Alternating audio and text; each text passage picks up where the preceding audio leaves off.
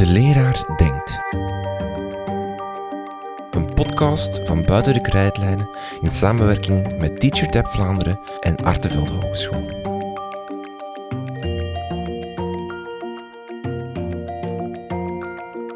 Uh, hallo, ik ben Katrijn de Walen. Ik ben docent bij Artevelde Hogeschool in de Banaba Zorgverbreding en Remedierend Leren en ook in de verkorte educatieve bachelor secundair onderwijs en het educatief graduaat en de Banaba buitengewoon onderwijs. Sorry, het is een mond vol. En ik ben uh, Katrijn Pols. Ik geef uh, les aan de opleiding lager onderwijs en ook aan de Banaba Zorg en Remedierend Leren. En vandaag denkt de leraar over hoogbegaafdheid.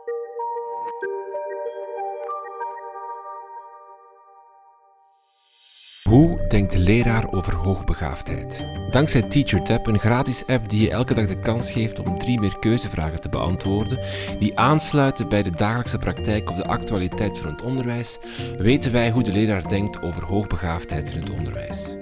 Wil jij ook jouw stem laten horen? Download dan snel de TeacherTap app en misschien ben je nog op tijd bij voor de vragen van vandaag.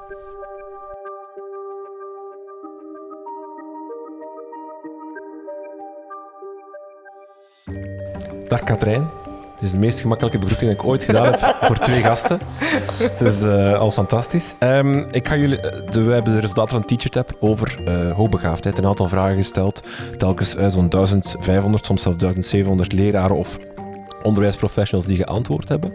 De eerste is misschien een beetje een voor de hand liggende voor een hand liggend resultaat, namelijk hoogbegaafdheid is een mythe. Die vraag werd gesteld en eigenlijk de, de, de overgrote meerderheid zegt dat dat niet zo is. Dat hoogbegaafdheid wel degelijk bestaat of erkend wordt.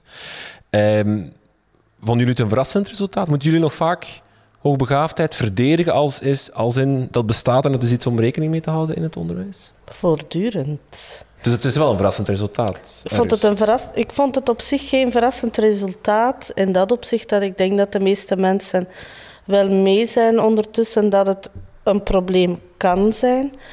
Maar je voelt dat uh, zeker bij ouders en oudergesprekken er toch heel vaak door ouders wordt aangegeven niet geloofd te worden, uh, voorgesteld te worden als pushende ouders. Dus dat, dat vond ik dan weer heel raar, omdat je de input wel krijgt dat vanuit de school soms het gevoel gegeven wordt dat het een mythe is, of dat het in ieder geval bij dat kind een mythe is. En het resultaat toch wel aantoont dat de meeste leerkrachten begrip hebben voor hoogbegaafdheid, begrip hebben voor cognitief sterk functionerende leerlingen. Dus dat was voor mij zo'n beetje ja, een verrassend iets, in ieder geval. Maar er is wel al een lange weg afgelegd. Want als je bijvoorbeeld oh, terugkijkt in de tijd, 15 jaar geleden, ASS, autisme spectrumstoornis, dan was zo van, oh, wat moeten we daarmee doen met die leerlingen? En terwijl dat dan nu de normale gang van zaken is en dat dat deel uitmaakt van uw diversiteit van uw klas, begint hoogbegaafdheid daar ook naartoe te gaan. En daar zijn we wel al dankbaar voor. Ook dat we in het leersteundecreet niet meer de drie puntjes zijn, maar echt wel benoemd zijn. Dat is wel schoon. Ik moet wel zeggen, als leerkracht, bij mij gaan er meer alarmbelletjes af of mijn aandacht is veel meer um, um, gevestigd op de leerlingen met bijvoorbeeld autisme of met mm -hmm. bijvoorbeeld ADHD. Ja. Die zullen ook op voorhand veel meer uitgelicht worden of van, oh, pas op, pas op, pas op. Allee, niet, niet per se negatief, Nog maar van... steeds, ja. Dan de leerling die de, het label hoogbegaafdheid gekregen heeft. Ja, Tenzij die leerling vastloopt in jouw les. Ja, maar ik heb het op voorhand. Ja. Hè. Ja. Ik krijg op voorhand bij ons spreken. In het begin van het jaar krijgen wij altijd...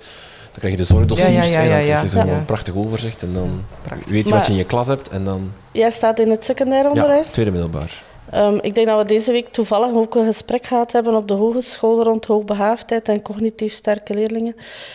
Je merkt dat het basisonderwijs al een stap verder staat dan het secundair onderwijs. Dus dat houdt in dat de leerlingen die nu vanuit het basisonderwijs hun, ondersteuning gekregen hebben, hun andere opdrachten gekregen hebben, hun andere manier van werken gekregen dat die stilletjes aan in het secundair onderwijs ook beginnen komen en dat dus het secundair onderwijs, en dat merk inderdaad, zich ook aan het aanpassen is.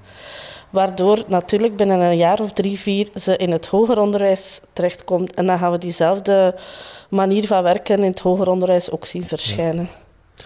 Hoogbegaafdheid, hoe, hoe wordt dat gedefinieerd? Wanneer heeft, is een kind hoogbegaafd? Is daar, is daar een vaste definitie voor? Heb je een uurtje of vijf?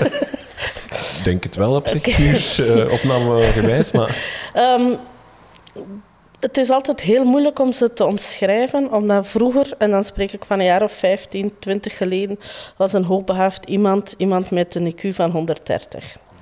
Ondertussen wordt die piste meer en meer uh, verlaten ook, omdat een IQ-cijfer is ook maar een IQ-cijfer. Een IQ-cijfer is ook maar een momentopname van, de, van het moment waarop je de test afneemt.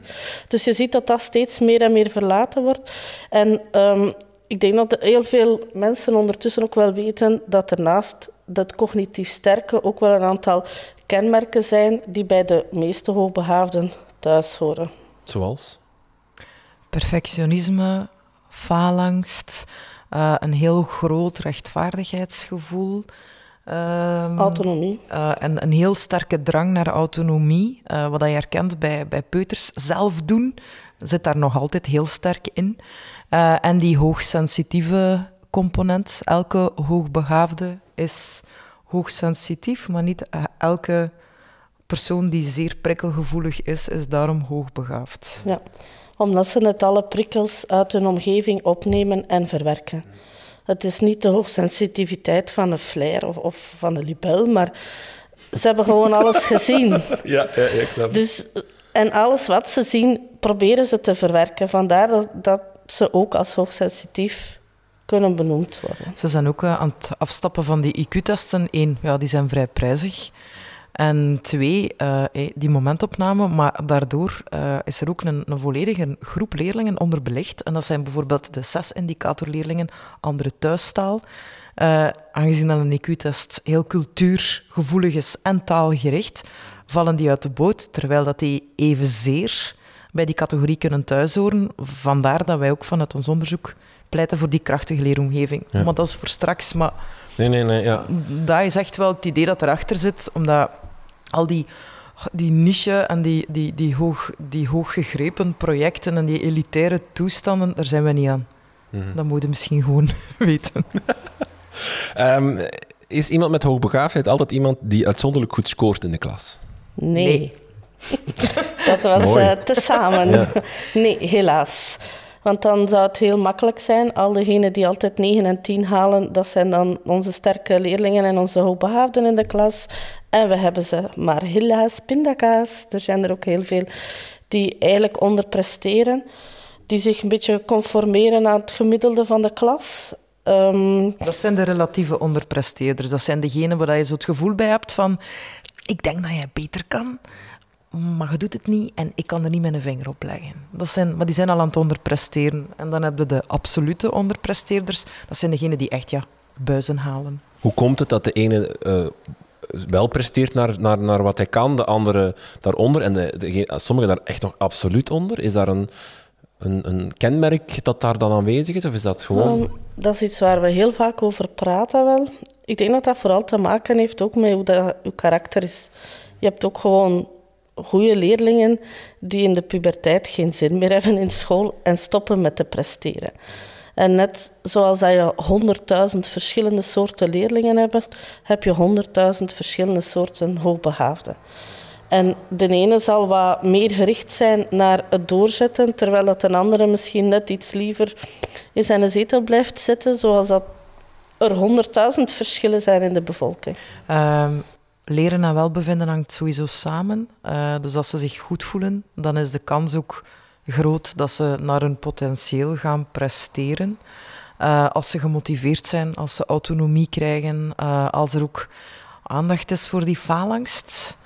Um, als er naar hen geluisterd wordt. Maar ik ben nu heel veel dingen aan het zeggen die voor elke leerling gelden. Dus ja. Want, want hoogbegaafdheid, is dat eigenlijk hoe, is dat een probleem? Is dat een stoornis? Of is dat eigenlijk... Er zijn ook hoogbegaafde leerlingen die perfect gelukkig zijn. En, ja, en, en, gelukkig. en, en door, hun, door onderwijscarrière vliegen en daar mm -hmm. successen behalen. En, maar ook het omgekeerde.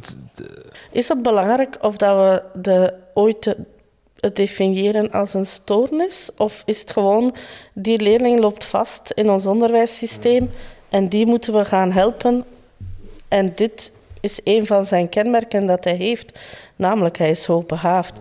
En dus vanuit die hoogbehaafdheid kennen we een aantal dingen die we kunnen doen en een aantal dingen die we misschien beter niet doen. Dus voor mij hangt dat niet zozeer samen met het is een stoornis, maar we merken dat die leerling vastloopt in het onderwijs en we moeten daar iets aan doen. Ehm, we hebben ooit eens de vraag gekregen van, ja, is het een vloek of is het een zegen? En je kunt daar niet ongenuanceerd ja of nee op antwoorden. Het hangt er ook vanaf in welke mate beschikt die leerling aan een stuk over handleiding. In welke mate ehm, is die omgeving mee in het verhaal. Um, ik denk dan ook aan, aan kansrijk, kansarm. Uh, dat, zit in, dat zit op zoveel gebieden, maar ook op socio-emotioneel. De noden van uw kind herkennen, erkennen en er kunnen op inspelen. Dat is niet iedereen gegeven, zonder een waardeoordeel eraan te koppelen. Maar nu zijn we natuurlijk zeer bond zonder naam bezig. Ja, maar bijvoorbeeld een hoogbehaafde met heel veel faalangst, die volledig blokkeert op een toets. Wat ga je dan doen? Dan ga je zeggen, ah nee, hij is hoogbehaafd, dus hij kan die toets niet opnieuw doen. Hij had maar moeten enzovoort. Of zeg je, ja, het is gewoon zoals bij een andere die faalangst heeft. Weet je wat, kom dan maandag onder de middag nog eens opnieuw doen. Je krijgt een tweede kans in een rustigere omgeving enzovoort. Dus dat is zo'n beetje, ja... Is het een leerstoornis? Aan zich niet, maar het kan verdomd ambetant zijn als je erin vastzit. Hm. Ben ik juist als ik zeg dat het soms wel ook iets is dat, dat, waarbij de problematiek on, lang of gemakkelijk onder de radar kan blijven zitten? Ik heb zelf ooit een, een, een leerling gehad, uh, ik denk dat het inderdaad hoogbegaafd in zijn dossier stond. Maar ja, die jongen presteerde perfect. Die lachte in de klas. Tot zijn ouders voor de eerste keer op oudercontact kwamen. En ik, ik weet nog goed dat ik daar zat met mijn co. Dat er een heel relaas kwam van hoe, hoe dat hij thuis zich verveelde. En dat hij, zich, dat hij niet gelukkig was. En, en, en, en een beetje schoolmoe aan het worden was. En, en, en geen motivatie meer vond. En, en, en dat die ouders echt zeiden van je moet daar echt meer aandacht voor hebben. Voor, voor, voor gasten die het echt, die, voor wie dat gemakkelijk is en voor wie dat hoog, die hoogbegaafd zijn. En wij hadden dat zelf nooit op geen enkel moment gezien. Ja. Nee. Dat is uh, een van de veel voorkomende verhalen. Maar ik denk, ik denk, of ik hoop tenminste, dat die er binnen dit en een paar jaar uit zullen zijn. Net omdat er veel meer aandacht is voor cognitief sterke en voor hoogbegaafden. Waardoor dat je eigenlijk dat verhaal al begint van in de kleuterklasse, lagere school. En dat ze zo gaan doorgroeien. Maar er zijn er gewoon die pas op de universiteit of in, in het hoger onderwijs vastlopen. Het is ook wel zo dat naarmate dat je brede basiszorg, dus wat je eigenlijk doet voor alle leerlingen, naarmate dat er eigenlijk veel meer ingespeeld wordt, nog meer op de diversiteit die op dit moment in je klas aanwezig is, gaat die ja, minder opvallen, klinkt nu misschien slecht, of gaan die minder uitvallen, omdat je net al heel veel doet dat voor, dat voor de meesten werkt. Uh, net zoals dat redelijke aanpassingen na een tijd komen van oké, het werkt toch nog niet voor jou, dus voor jou gaan we. Um, ik had ook zo leerlingen met, met, met, met bijvoorbeeld ja, autisme spectrumstoornis, dat ik bijvoorbeeld ooit had gelezen in het zorgdossier, en, en, maar dat nooit tot uiting kwam in de klas, totdat er inderdaad op een oudercontact is kwam van ja, die krijgt thuis echt crisissen, omdat die overprikkeld thuis komt. Dat ik ook uit de lucht viel van, en op school... Dus ja, het is praten met ouders en, en praten met leerlingen en, en leerlingcontacten, dat zijn allemaal zaken die, die daar echt wel ja, baanbrekend in kunnen zijn. Ja. En er zal altijd een groepje hoogbegaafden zijn die niet functioneert in het onderwijs zoals we het hier in Vlaanderen opgebouwd hebben. En gelukkig is daar dan uh, de centrale examencommissie nog voor. Dus zo zijn er ook wel een aantal die altijd thuisonderwijs zullen hebben Omwille van de autonomie, omwille van, van alles en nog wat. Dit is een, een populatie van leerlingen die bijvoorbeeld eigenlijk gefloreerd heeft tijdens corona. Die hadden autonomie, die konden op eigen tempo werken, die konden zich verdiepen in de zaken waarin dat ze zich konden verdiepen. En die, die, die gingen daar volledig voor. Allee, ja, dat, dat, dat, is, dat is een, een, een groep waar we ons minder zorgen over moesten maken op cognitief socio-emotioneel hebben alle leerlingen wel behoorlijk afgezien. En volwassenen. um, zitten er dit jaar hoogbegaafde leerlingen in je klas? Die vraag werd ook gesteld. Uh, eh, 39% geeft aan minstens één of meerdere. Ik vond dat een hoog cijfer. Jullie niet, of wel? Mm, op zich vinden we dat niet zo'n hoog cijfer eigenlijk. Nee, we zijn blij. Ja. Kei blij. Kei blij dat er inderdaad al zoveel gedetecteerd wordt. Um, ja, in principe zit je met getallen van 10% ongeveer. Van cognitief sterk cognitief functionerende. Sterk functionerende. Dus ja, nee, ik ben er niet van verbaasd. De ene klas zal allicht wel wat meer hoogbegaafden tellen dan een andere klas. Dat is gewoon zo, door puur toeval. Ik heb ooit een, uh, een klas geweten in de lagere school die door toeval drie of vier hoogbegaafden in een klas van twaalf had. Maar dat, dat getal, 40% van de leerkrachten of van onderwijsprofessionals, uh, heeft te maken met een, een leerling die hoogbegaafd is. Wil dat dan eigenlijk zeggen dat elke school een hoogbegaafde plan moet hebben? Alleen ik zeg het niet zo, maar in de zin van een soort van idee moet hebben van kijk, als we een leerling hebben met een hoogbegaafde die vastloopt, dit zijn de stappen die we gaan ondernemen. Een, zorgdossier, ah ja, een, een, zorgbeleid daaromtrent, absoluut. Ja, want ik kan me wel voorstellen dat er dat zorgbeleid is rond autisme, of dat er nagedacht wordt over wat gaan we doen met leerlingen met ADHD, wat gaan we leerlingen doen die, die, die, die autistisch zijn of zo. Dat je dat ook moet hebben over hoogbegaafdheid dan? Ja, en daar zit denk ik de laatste jaren wel de kentering. Ik denk dat de meeste lagere scholen ondertussen bezig zijn met de visie, al de visie hebben. En ik hoor ook steeds meer en meer secundaire scholen die beginnen na te denken over hoe kunnen we die groep ondersteunen, wat kunnen we daarmee binnen de structuren van onze school enzovoort. En er zijn echt wel al scholen die daar echt wel al heel mooie stappen in hebben gezet. En die bijvoorbeeld ja, Project Talent, die, die bundelt ankerscholen uh, en, en die echt wel good practices delen. er zijn echt wel knappe dingen die op dit moment gebeuren en, en zo ook uh, in secundair onderwijs. Um, en ook heel veel scholen die, die er echt wel openlijk voor uitkomen van het is trial and error. We zijn zoekende, we zijn nog aan het kijken. Uh, ja, die, die zijn dan daarop aan het inzetten in een zorgvisie met pedagogische schooldagen en studiedagen, excuseer. Um, en ook de uitgeverijen. En, de uitgeverijen. en eens de uitgeverijen mee zijn, dan weten dat we er bijna zijn. Ik haal ze nu uit elkaar. Ik zeg, hey, een leerling met autisme, maar in hoeverre zijn die vaak met elkaar verweven? Uh, zo hard als dat autisme met een gewoon mens verweven is. Uh, dat zijn de dubbele bijzondere. Een leerling die die, die twee ja, ja, leerstoornissen of uh, specifieke onderwijsbehoeften combineert, die noemt dan dubbel bijzonder. Okay. Dat is mooi, hè? Dat is mooi. Dat is mooi. Um, maar dat, dat, is niet van, ah ja, die is ook begaafd.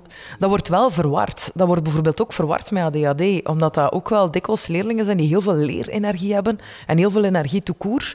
En dat ook wel echt uitstralen, waardoor dat er soms wel wordt gedacht sorry, van, ah ja, dat, dat is hier zeker ADHD. En hoogbegaafdheid, het zal wel. Ja, dus er zijn duizenden hoogbegaafden en er zijn er daar een aantal autistisch van. En in hoeverre qua beleid, qua zorgbeleid, hè, dan vraag, vraag, ik ook aan jullie: van, moet, moet er een hoogbegaafd beleid zijn naast een autismebeleid en, en naast een, een, een ADHD-beleid? Maar in hoeverre, dat is misschien een vraag die al meer breder gaat naar macro, naar, naar zorgbeleid toe. In hoeverre moet je dat uiteentrekken? Goh, ik ben echt wel heel pro-brede basiszorg, krachtige leeromgeving. En dat eigenlijk zo sterk mogelijk maken.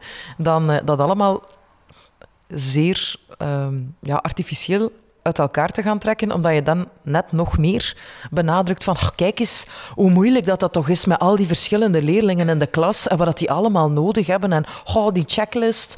Terwijl dat je heel veel dingen kan doen die voor heel veel verschillende profielen leerlingen werken.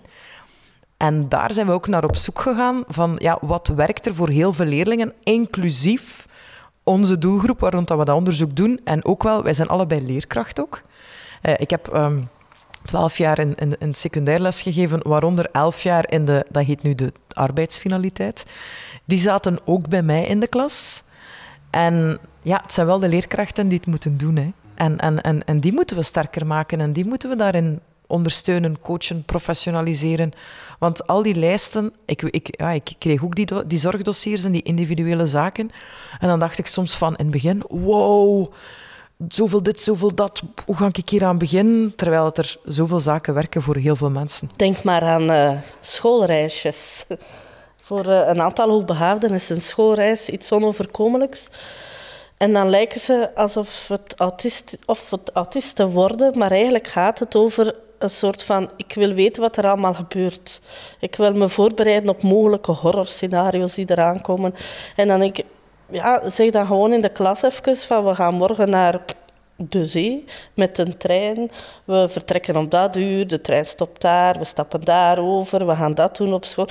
Dat, dat duurt vijf of tien minuten, waardoor dat je die rust eigenlijk terugbrengt bij die een hoogbehaafden, dat hij gewoon weet wat er hem te wachten staat. En dat wordt zo vaak nog onderschat.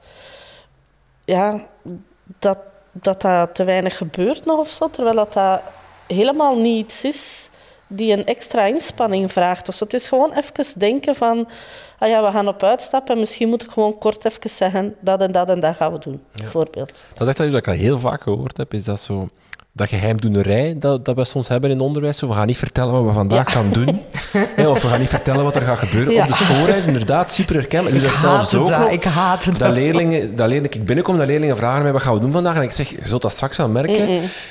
Eigenlijk werkt dat niet. Leerlingen vinden het niet leuk, worden er onrustig van, worden daar, worden daar ook... En dat heb je zelf gedaan. Los je heel veel op door dat gewoon eerlijk te zeggen, vandaag gaan we dat doen, of en morgen gaan we dat doen. Natuurlijk kan ik wel doorslaan en, en ja. soms weet je het zelf nog niet. Maar, maar er, er, zijn ook leerlingen bij die superveel vragen beginnen te stellen, omdat die ook ongelooflijk leergierig zijn en nieuwsgierig zijn. En, en ja, dan kun je ook zeggen van, kijk, je mocht drie vragen stellen. Denk er zeer goed over na welke drie vragen je gaat stellen. Je mocht er drie stellen.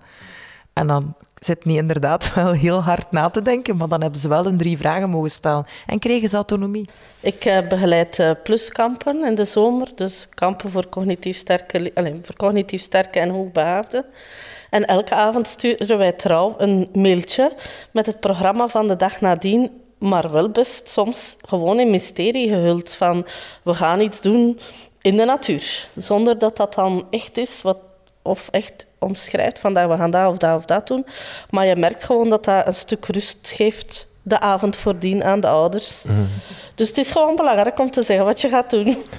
Ehm, als we het hebben over hoogbegaafden, dan komt heel vaak het, het, het zinnetje, we moeten ze voldoende uitdagen. Het woordje uitdaging komt er heel vaak. Ze hebben te weinig uitdaging in de les. Of ehm, hoe kan je meer uitdaging bieden? Dat is zo het vraag dat erbij komt.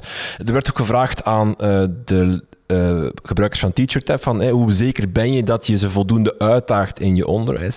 Ja, daar kwam uit dat zo'n 70% eigenlijk daar niet zeker van is. Dat ze het niet goed weten. Um, maar is dat eigenlijk de, juiste vraag die gesteld wordt? Worden, is, is dat wat we moeten vragen als we een hoogbegaafde leerling in de klas hebben? Wordt die voldoende uitgedaan? Maar dat geldt, allez, ik ben hier nu weer, maar uh, elke leerling moet in de leerzone zitten. Want als ze in de comfortzone zitten, dan beginnen ze zich te vervelen. En een leerling die zich verveelt, die wordt vervelend. En als die in de paniekzone zit, is het ook niet goed. Maar dat voldoende uitdagen, um, daar zit, zitten wel heel veel leerkrachten, ja, ik aanvankelijk ook, met de handen in het haar van ja, hoe begin je daaraan? Mm. En uh, dan begint dat met ja, compacten en verrijken. Hola. Uh, hola, ja. De, de fancy woorden. Ja.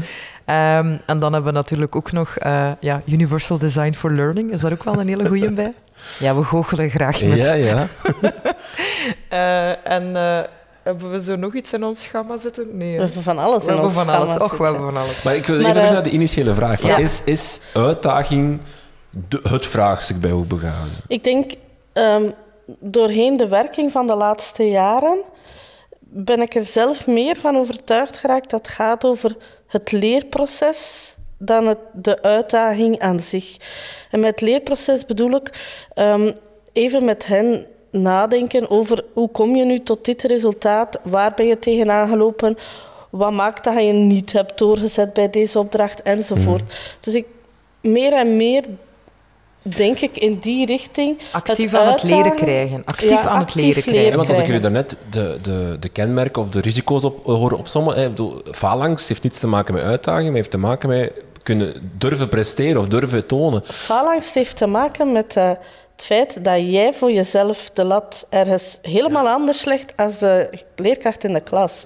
En dat is bijvoorbeeld iets wat we aan leerkrachten heel vaak meegeven. Als je dat merkt, dat je hoogbegaafde dat je faalangst heeft, ga gewoon eens even in gesprek. Wat verwacht jij precies bij die opdracht? Luister eens naar wat zij van zichzelf verwachten van die opdracht. En je zal vaak merken dat het een, een gesprek is over, ik noem dat dan de latten gelijk leggen.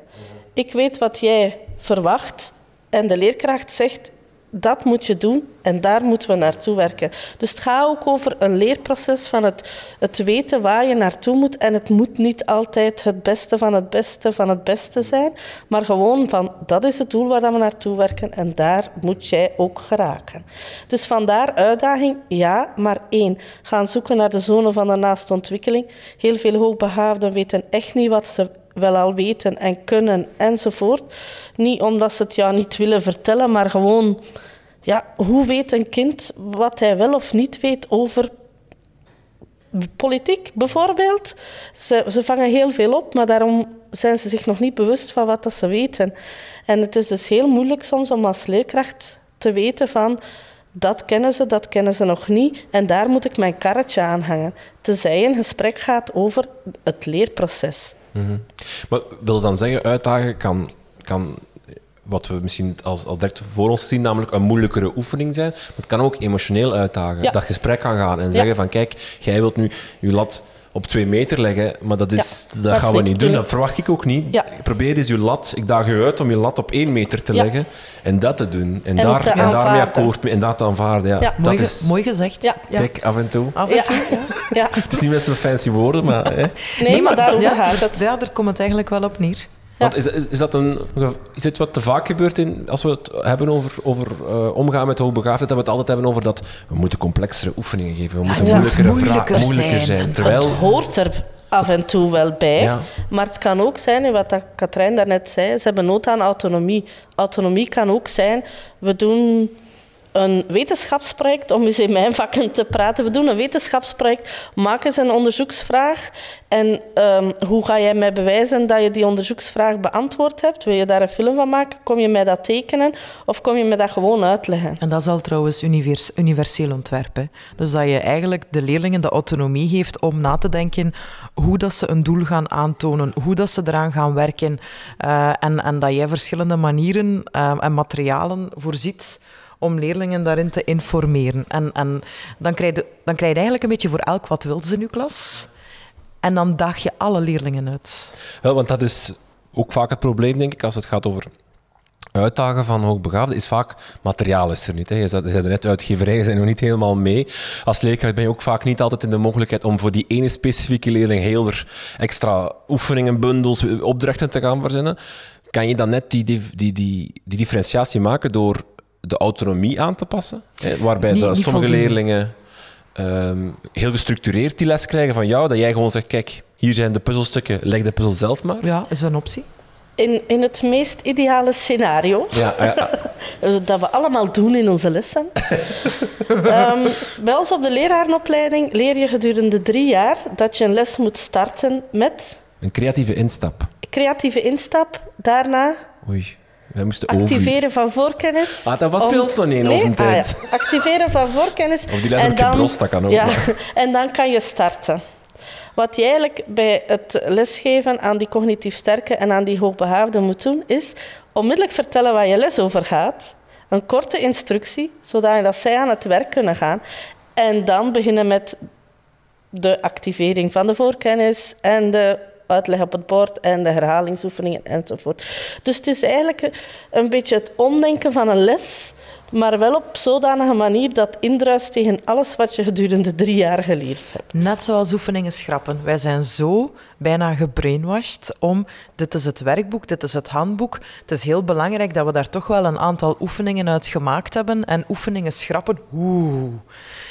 Terwijl dat dat net wel werkt. En ook zeker met die leerling gaan samenzitten van kijk, dat zijn bijvoorbeeld vijf oefeningen, jij maakt er drie en dan heb ik een andere opdracht voor jou. Niet beginnen met dat woord extra, want we zeggen dat altijd tegen de studenten of tegen mensen, gewoon in het algemeen.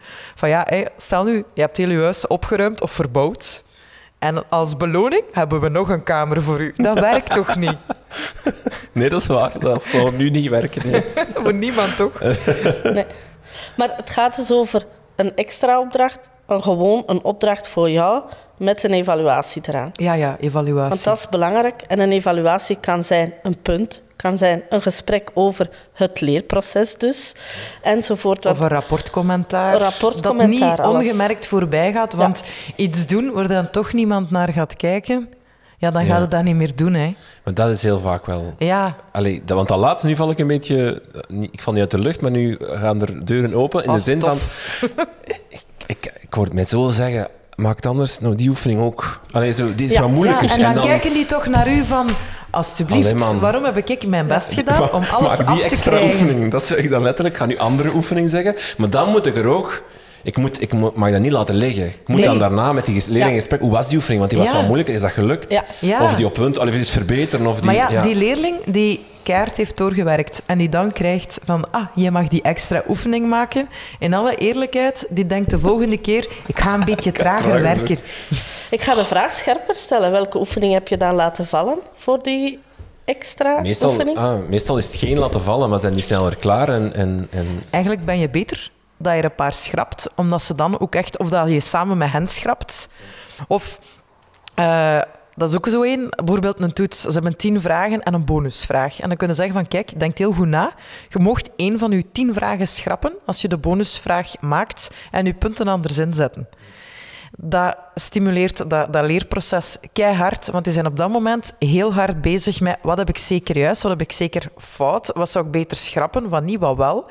En dan gaan die veel harder nadenken over hun vragen en hun antwoorden dan wanneer dat die gewoon die toets oplossen.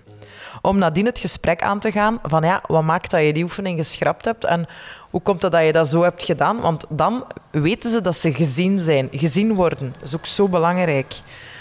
Wel, want dat is een beetje wat, wat, wat ik misschien ook al gedaan heb, maar wat die autonomie gevaarlijk We maakt. hebben dat is, allemaal gedaan. Hè? ja, Allee. wat die autonomie gevaarlijk maakt, is dat je ze loslaat. Je zegt Ja, van, nee, nee, nee. "Hey, jongens, maak oefeningen maar, jullie, hey, jullie kunnen dat, ga Je hebt maar. gewoon een kei lange lijn, hè? je laat ze niet los. Nee, maar dat je eigenlijk een, een lesuur daarin omkijkt en, op, en dat, je zo, dat je inderdaad, dat die zich niet gezien voelen, of dat ook niet lukt, of dat, dat je ze aan je lot overlaat eigenlijk. Hè? Dat is wat je nu heel vaak merkt, maar dat is normaal in het zoeken naar, is dat ze nu heel vaak ehm, in een groepje aan het werk zijn.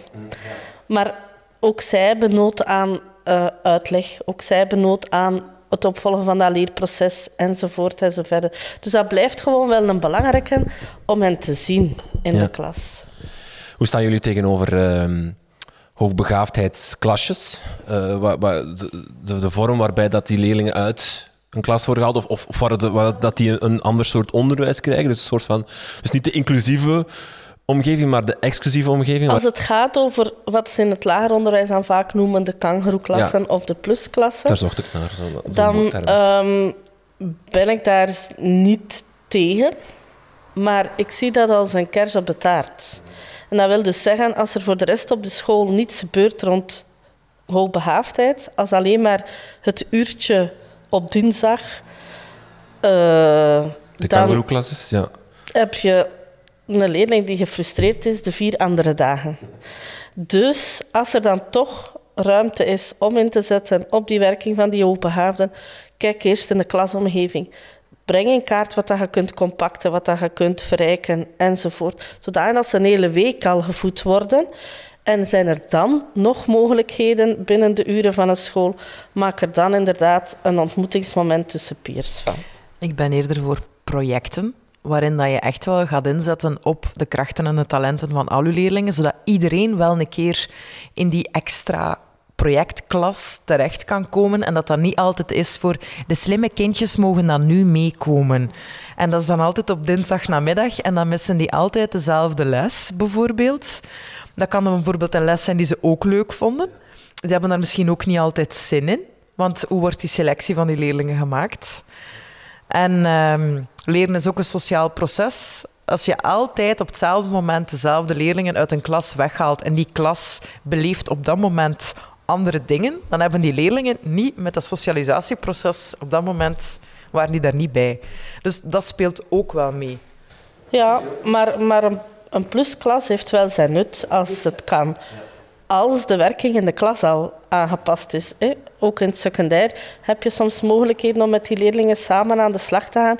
Prima, maar ook daar opnieuw zorg eerst dat de werking in de klas goed staat. Zodanig dat ze een hele week lang hun zorg kunnen hebben. En niet alleen maar dat uurken of eh, het twee uurtjes om de veertien dagen of weet ik veel wat. Ik wil even teruggaan naar mijn verhaal helemaal in het begin van die leerling. Die, die hebben niet door hadden dat, die, dat daar toch een probleem rond was. Die ouders zeiden ook expliciet: hij wil niet anders behandeld worden. Je mag Ja, er ja, niets van zeggen. Je mag hem niet apart zetten en een extra opdracht geven. Dus dat was. Mm. We werden een beetje met handen geboeid. Om, we werden een probleem in onze voeten gegooid, En in onze schoot gegooid. ja. En we konden dan eigenlijk niet echt, of we wisten niet hoe dat we moesten ageren, omdat we eigenlijk niet speciaal mochten doen. Hoe, ga je daar, hoe, hoe, hoe pak je dat aan? Ik denk dat we daar een mooie, vertaal, alleen een mooie omslag gemaakt hebben in Vlaanderen. En dat we dus uh, steeds meer van de cognitief sterk functionerende leerlingen spreken. Ik heb al veel geoefend, dus ik kan het redelijk vlot. Ja, toch, hè? Cognitief sterk functionerende. Ja. Leerlingen. Um, wat dat Leerlingen. eigenlijk wil zeggen dat je de, de 10% slimste leerlingen of de 10% hoogst scorende leerlingen in jouw klas samenzet voor een opdracht. Daar kunnen de hoogbegaafden bij zitten. Ze kunnen er ook niet bij zitten. Maar dat maakt dat je toch altijd een groepje van drie, vier leerlingen hebt die met die opdracht aan de slag kunnen gaan. Want er zijn ook gewoon heel veel slimme kinderen die zich vervelen in de klas. En dat is een beetje de omslag die we nu aan het maken zijn. Katrijn zei daarnet, ze staan in het leersteundecreet. De cognitief sterk functionerende staan in het Mm. leersteundecreet. Maar je hebt eigenlijk ook heel veel slimme leerlingen die zich ook vervelen en die eigenlijk, Ja. of die ook tegen bepaalde dingen aanlopen als ik word niet uitgedaagd, ik Voilà. verveel mij, ik Ja. word leermoe, ik word Ja. schoolmoe. Maar ook eh, inzetten gewoon op ja, die autonomie in de klas van wie wil er op deze manier aan die taak werken. Niet van, ga je die taak maken of niet? Nee, nee, nee, nee. Ze moeten die taak maken, maar hoe gaan we eraan werken? Op welke manier ga je eraan werken? En hoe ga je dat kiezen? En met wie ga je dat doen? Want ja, het is ook zo'n misvatting van, ah, we gaan de sterkere leerlingen bij de minder sterkere leerlingen samenzetten en dan kunnen ze elkaar helpen. Dat werkt stigmatiserend in beide richtingen. Ehm, om nog eens terug te komen op uw vraag van daarnet, van die aparte... Ja, dat is type 10 onderwijs, hè. Allee, ja. En, en buitengewoon onderwijs dus schitterende dingen, maar we streven echt wel... Niet maar, doet schitterende dingen, punt. We streven ook naar inclusief onderwijs in de mate van het mogelijke, maar er moeten leerkrachten sterker in gemaakt worden. En wat dat scholen niet mogen vergeten, is dat er ook netwerken zijn. Hè. Er zijn hoogbegaafde leerlingen die vastlopen in het onderwijs, maar die voor een stukje gered, bij manier van spreken, kunnen worden door hen buiten de school dingen kun- te laten doen. Hè. Een keer dat ze 15, 16 zijn, kunnen ze aansluiten op het avondonderwijs voor, weet ik veel... eh, Programmeren. programmeren, om het eens met vooroordelen te benoemen. Schilderklas. Of- dus dat kan ook allemaal. Er zijn wel wat oplossingen, alleen ehm, ja, moet je af en toe eens verder kijken dan de school. We zijn nu wel heel sterk op dat cognitieve, Ja. hè, hoogbegaafdheid. Dat zit ook in het artistieke, maar die ga je niet meteen opmerken in de klas op dat cognitief niveau. Maar bijvoorbeeld, nogmaals, ik heb leerlingen gehad die uber getalenteerd waren in een pak zaken die op de klasvloer of in de klaswerking minder aan bod kwamen. Het feit is dat je iedereen een keer wel kunnen doen schitteren, dat is een belangrijke. Ehm, maar dat die dan buiten de school echt wel hun ding vonden om in, in te gaan uitblinken en om zich verder te gaan ontwikkelen. Ja, wij focussen ons vooral op die cognitieve, omdat wij daar als leerkrachten meest op vastlopen. Je kunt op school wel een keer een talentenwedstrijd doen en dan ziet iedereen van, amai, die kan goed zingen. Ja, maar die kan zijn les niet zingen. Hè? Allee, En ik volg daar voor een stuk wel in, omdat er zijn een aantal getuigenissen die, die we wel hebben van, van ehm, leerlingen of jongvolwassenen die dachten dat ze dom waren tot ze 18, 19 waren, tot ze van de school afkwamen. En ineens gaat de wereld voor hen open en ontdekken ze dat ze misschien toch niet zo dom waren als dat ze altijd dachten op de school. En ook dat is zo'n groep die je heel moeilijk er soms uit krijgt. Omdat die dikwijls ook door faalangst verlamd waren. Allee, ko- vaak toch. Ik wil even terugkomen op iets wat jij zei. Zo, dat sterke met de zwakke laten samenwerken. Uh-huh. Dat is, dat is iets wat, wat je heel vaak hoort. Wat ik, wat ik op, op Artevelde ook heel vaak geleerd heb. Van, dat is de fantastische Welke werk. hogeschool? Op een hogeschool, denk op ik. een hogeschool. Eh, op- op- dat is een fantastische werkvorm, want ze leren van elkaar. En Ah. die, die, die, die sterker die worden dan uitgedacht om Maar het uit te leggen. Je dat doen, maar dan mag je niet een vast stramien zijn. Je moet altijd opnieuw nadenken van hoe ga ik mijn klas verdelen, hoe ga ik mijn leerlingen combineren. En ook, ik vind dat een heel belangrijke, als je leerlingen combineert, dat je benoemt waarom ze je combineert en niet vanuit dat negatieve. Van, jij bent heel georganiseerd en jij bent heel goed in Frans, dus jullie gaan heel goed kunnen samenwerken. Dat is een heel ander verhaal als jij bent goed in Frans en jij niet. Terwijl als je bij iemand anders zegt van ah, jij bent heel creatief en, en jij bent grammaticaal heel sterk, dat gaat een mooie combo zijn. Dan benoem je eigenlijk wat dat goed is bij die leerlingen. Ehm, En het idee dat het, dat het voor de hoogbegaafde een uitdaging is om, om, om zijn zwakkere leerling te helpen, dat is een dat is Nee. zever. Eh, ze zijn daar vaak door gefrustreerd. Ja. Omdat ze niet kunnen praten op hun, op hun eigen niveau. Ik bedoel, je kunt een homogeen, een heterogeen groepje maken in een eerste leerjaar. Maar als uw hoogbegaafde zich op dat moment afvraagt waarom eh, Trump en Kim Jong-un ruzie hebben, ja, eh, daar zit je dan met je groepje. Dus soms, Met zeker hoe jonger, dat ze zijn, hoe jonger dat ze zijn, hoe, hoe moeilijker dat, dat soms is om, om gelijken te vinden. Dat is wat dat we noemen die peers.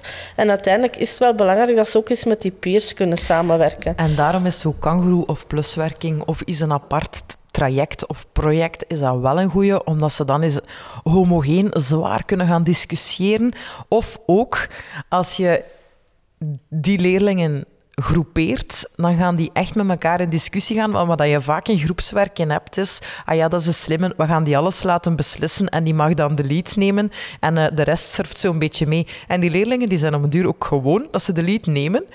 En als die dan in een groep terechtkomen waarin dat er nog zo zitten, dan wordt er echt wel keihard gediscussieerd, dan is het frustrerend. Maar daar leren die ook heel veel uit om met ontwikkelingsgelijken te clashen. En daar hebben die ook nodig gewoon voor een, ja, voor een ontwikkeling, court. Zeker als je het gesprek aangaat met eh, hoogbegaafden die in een heterogeen groepje een groepswerk gedaan hebben en dan de vraag stelt, ehm, ging het samenwerken goed? Dan krijg je heel vaak de reactie, ja hoor, ze hebben gedaan wat ik vroeg. en laat dat nu niet eh, dingen zijn Nee. van samenwerken natuurlijk. Dus vandaar, ja, heterogeen kan, homogeen mag zeker ook. Ze mogen af en toe wel eens kiezen met wie ze samenwerken, maar ze moeten net zo goed ook leren samenwerken met mensen waarvan de leerkracht zegt, met die ga je samenwerken.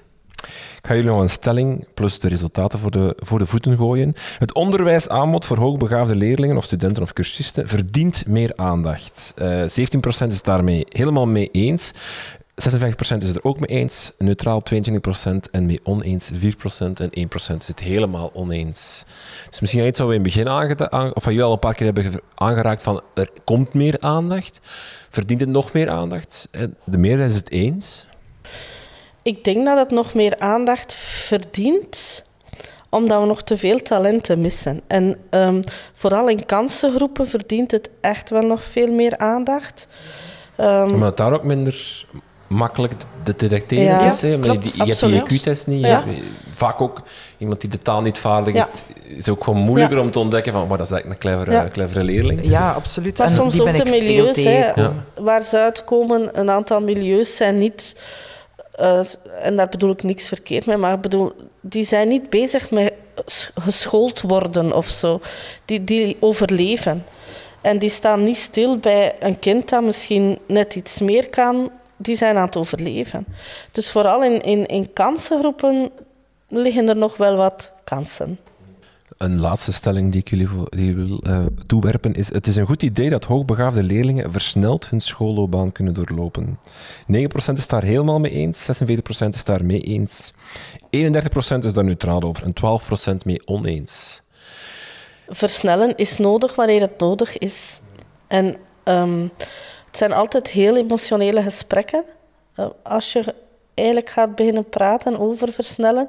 Vaak gebeurt dat in de lagere school, waar dan de leerkracht van het jaar waar het kind in zit, de, de leerkracht van het jaar daarop, de directeur, CLB-medewerkers, soms nog experten die erbij zitten. En je voelt dat is, en de ouders ook vaak, dat zijn altijd emotionele gesprekken. En wanneer ga je versnellen op het moment dat je voelt dat je in dat jaar tegen limieten aanloopt? wat Als je, zijn, moet wat zijn die beginnen, limieten? eh, als je moet beginnen gaan differentiëren en eh, vanaf nu bijvoorbeeld, we zijn maart, moet gaan beginnen denken, wat moet ik hier nu allemaal nog geven zodanig dat ik niet in het vaarwater van mijn collega het jaar daarop kom? Dat zijn momenten waarop dat je moet nadenken over versnellen. En de ene leerling gaat er heel veel baat bij hebben. En andere leerlingen zijn aanpassingen, redelijke aanpassingen in de klas voldoende. Dus ik ben daar een beetje neutraal bij over. Dat, ja, dat hoort bij het kind. En de ene gaat daar nood aan hebben en de andere niet. De sociale factor zal daar toch ook spelen. Het feit dat je bijvoorbeeld x aantal jaar samen met je vrienden hebt gezeten en dan opeens een jaar moet springen. Dat is de eerste maand moeilijk, maar nadien is dat wel oké. Ja, dat, dat zot, wordt, vaak, Ja, ja. dat wordt Ja, maar- vaak wel als argument gegeven van ze zijn er emotioneel niet klaar voor, maar goh, ja, ze hebben daar eigenlijk ehm, niet zo heel veel last van. Wat dat we wel proberen doen, is als er moet versneld worden, dat we wachten tot aan vakanties. Dus eh, binnenkort is er de paasvakantie. Dan wordt er, als dat in een lagere school is, wordt er de vrijdag voor de vakantie afscheid genomen van de ene klas, om dan maandag te starten in de andere klas. In secundair is dat nog een ander verhaal. Eh, dan, dat is ondertussen wel al flexibeler gemaakt. Maar dan heb je al die verschillende vakken. En dan kan dat bijvoorbeeld zijn dat iemand voor, ja, voor een taalvak of voor een, voor een, een, wetenschappelijk vak piekt. eh, terwijl hij voor de andere vakken eh, heel middelmatig tot zelfs onderpresteert. eh, heel middelmatig scoort of onderpresteert. En dan kan dat echt wel vak per vak bekeken worden en via examencommissie een, een, een soort van ja, individueel aangepast curriculum doorlopen in het secundair onderwijs. De klassenraad ehm, heeft daar wel heel wat in te zeggen, maar dat wordt meer en meer flexibeler en interessanter gemaakt, want die wetten die blijven maar wijzigen in, in, in het voordeel van eigenlijk de leerling Ja. en dat flexibel verhaal.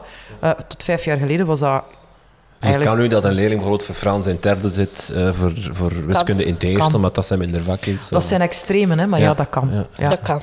Kan. Ja. En kan ook dat er voor een bepaald vak toch gekozen wordt om via de centrale examencommissie te gaan, om zo andere vakken uit andere richtingen erbij te nemen. Dus op dit moment kan er eigenlijk vrij veel.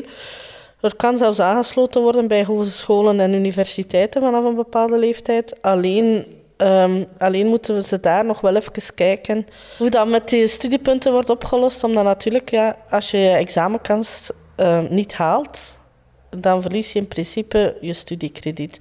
Dus daar zijn ze nu wel mee over aan het kijken van kunnen we dan toch dat studiekrediet wel veiligstellen voor hen. Maar dat is wel superleuk, omdat dat zijn allemaal zaken die nu in evolutie zijn en die vijf jaar geleden ondenkbaar zijn. Dus doordat presidenten zich voordoen, begint men echt wel na te denken van oei, we hebben hier eigenlijk nog nooit over nagedacht of er is geen flowchart.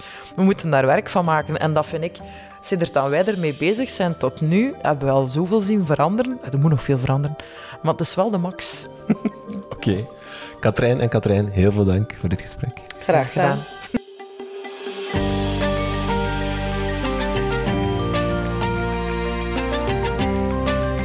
De leraar denkt. Een podcast van Buiten de Krijtlijnen in samenwerking met TeacherTap Vlaanderen en Artevelde Hogeschool.